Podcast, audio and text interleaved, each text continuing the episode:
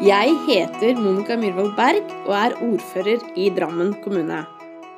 Drammen kommune er i gang med å lage kommuneplanens samfunnsdel. Det er en plan som skal inneholde mål for hvordan Drammensamfunnet skal se ut i 2040. Politikerne har starta på denne prosessen og laga en innstilling til visjon og mål. Nå ønsker vi ungdommens synspunkter og ideer på hvordan disse måla best kan realiseres. Deres stemmer er viktig for oss. Det er derfor spennende at det nå lages en podkast om kommuneplanen av og for ungdom. Jeg syns også det er spennende at dere skal bruke dette inn i undervisningen på Marienlyst ungdomsskole. En visjon er et bilde av den framtida vi søker å skape sammen. Vi har innstilt på visjonen et godt sted å leve. Et godt sted å leve er et sted hvor innbyggerne føler de er en del av fellesskapet, hvor det er gode opplæringstilbud, arbeidsplasser, et variert handelstilbud, ulike aktivitet- og fritidstilbud og trygge omsorgstilbud når man blir eldre. Hva er viktig for at du som ungdom skal oppleve Drammen som et godt sted å leve? Politikerne har også innstilt på mål innenfor seks ulike temaer. Temaene bygger på FNs 17 bærekraftsmål. Disse temaene er god oppvekst og godt liv, attraktive byer og tettsteder, klima- og miljøvennlig utvikling, omstillingsdyktig næringsliv, mangfold og inkludering, deltakende innbyggere. Vi ønsker nå at ungdommen kommer med forslag på hvordan kan vi nå måla sammen. Jeg håper at du som hører på, går inn på kommunens nettside Drammen 2040 og deler dine tanker med oss. Vi skal ta med oss alle innspillene i arbeidet videre. Til slutt vil jeg ønske dere lykke lykke til med podkasten. Jeg gleder meg til å følge dere, og håper på mange innspill fra ungdom i Drammen.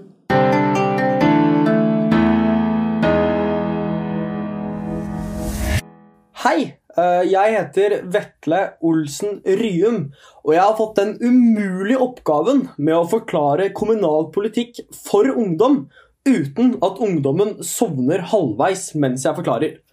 Men samtidig så er kommunalpolitikk noe vi ofte tar for gitt, og er viktig for vårt sterke, gode og demokratiske levestandard. Så da foreslår jeg at du bare knekker en Red Bull og følger med, fordi i de neste fire minuttene skal jeg gjøre at også du forstår viktigheten av kommunalpolitikk. Din kommune har bidratt til at ditt liv er bedre helt fra du ble født. Kommunen er nemlig en tjenestesleverandør av viktige oppgaver i samfunnet. Derfor så bør vi si et stort takk til kommunen. Takk for at dere tilbød barnehage, barneskole og ungdomsskole til meg. Takk for at du tilbyr et gamlehjem til bestemor og bestefar. Takk for at du sikrer lokale miljøtiltak og gjør busstilbudet tilgjengelig for oss. Takk for at du gir oss muligheten til å ta klamydiatester på den lokale helsestasjonen og gjør at vi kan spille instrumenter eller høre på konserter på den lokale fritidsklubben. Her ser man hvordan en kommune gjør livet bedre. Men hvordan fungerer egentlig den norske kommunen? I Norge så har man tre styringsformer som vi innbyggere kan påvirke og delta i. På toppen så har man Stortinget, og så kommer fylkeskommunen, og så kommunen. Kommunene har en stor grad av lokalt selvstyre. Dvs. Si at man har en tankegang om at kommunene vet selv hva som er best i kommunene. Dette medfører at vårt, vår stat delegerer ansvar til å løse ulike oppgaver til kommunen i det lokale samfunnet. Videre er kommunene i Norge såkalte generalistkommuner. Og det vil si at Uavhengig om kommunen har ti innbyggere eller 10 000, så skal kommunen tilby de samme tjenestene med den samme kvaliteten. F.eks. så kan ikke Drammen kommune si at kommunen er for stor for at samtlige ungdommer skal føle at de har en mulighet til å påvirke hvordan kommunen styres. Det skal være like bra kvalitet på tjenestene uansett. På samme måte som at vi ungdommer får spenn fra ulike områder, som fra foreldre, jobb og mange følgere på Instagram, så får kommunen også inntekter fra ulike områder som blir brukt på oss innbyggere som bor i kommunen. For det første så får kommunen såkalte frie inntekter, som er ca. 75% av kommunens inntekter. Dette er skatteinntekter og penger som staten gir til kommunen for at kommunen skal løse oppgavene staten har delegert til kommunen. Som f.eks. lokalt busstilbud. Da tenker staten at hm, vi kan ikke vite hva som er best i alle lokalsamfunn i Norge, så da delegerer vi oppgaven med å tilby busstilbud til den konkrete kommunen, fordi kommunen vet best hva som kreves, ikke staten. For det andre så får kommunen inntekt gjennom såkalte kommunale avgifter. Og dette skal dekke utgiftene til tjenestene som kommunen er ansvarlig overfor.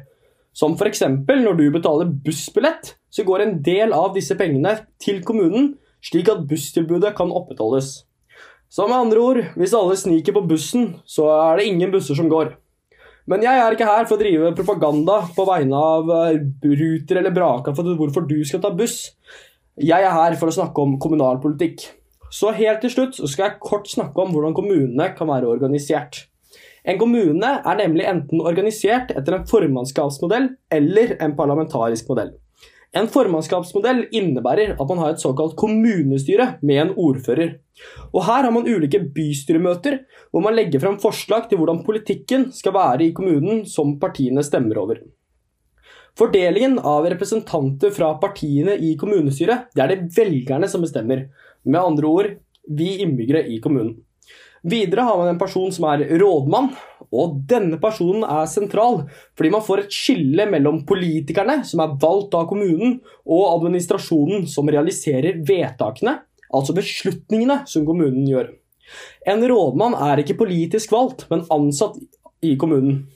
Så For å forsøke å illustrere det her eh, Se for deg at administrasjonen og rådmannen er en PlayStation mens uh, alle valgte representanter i kommunestyret de er ulike PlayStation-spill. Selve PlayStation gjør det mulig for spillene å fungere på TV-skjermen. På samme måte så gjør administrasjonen og rådmannen det mulig for at beslutningene som de valgte politikerne tar, fungerer og blir realisert i samfunnet. En kommune eh, kan også være styrt etter den parlamentariske modellen. og Dette innebærer at kommunen styres av et råd som kalles byrådet. Og Dette byrådet velger en byrådsleder som blir kommunens statsminister i gåseøyne. Innbyggerne i kommunen velger et bystyre, hvor representanter fra partiene blir fordelt etter antall stemmer. Dette byrådet må ha flertall i bystyret, noe som viser at velgerne, altså innbyggerne i kommunen, har makt over hvilke partier som sitter i byrådet, og hvilke parti som får byrådslederstillingen.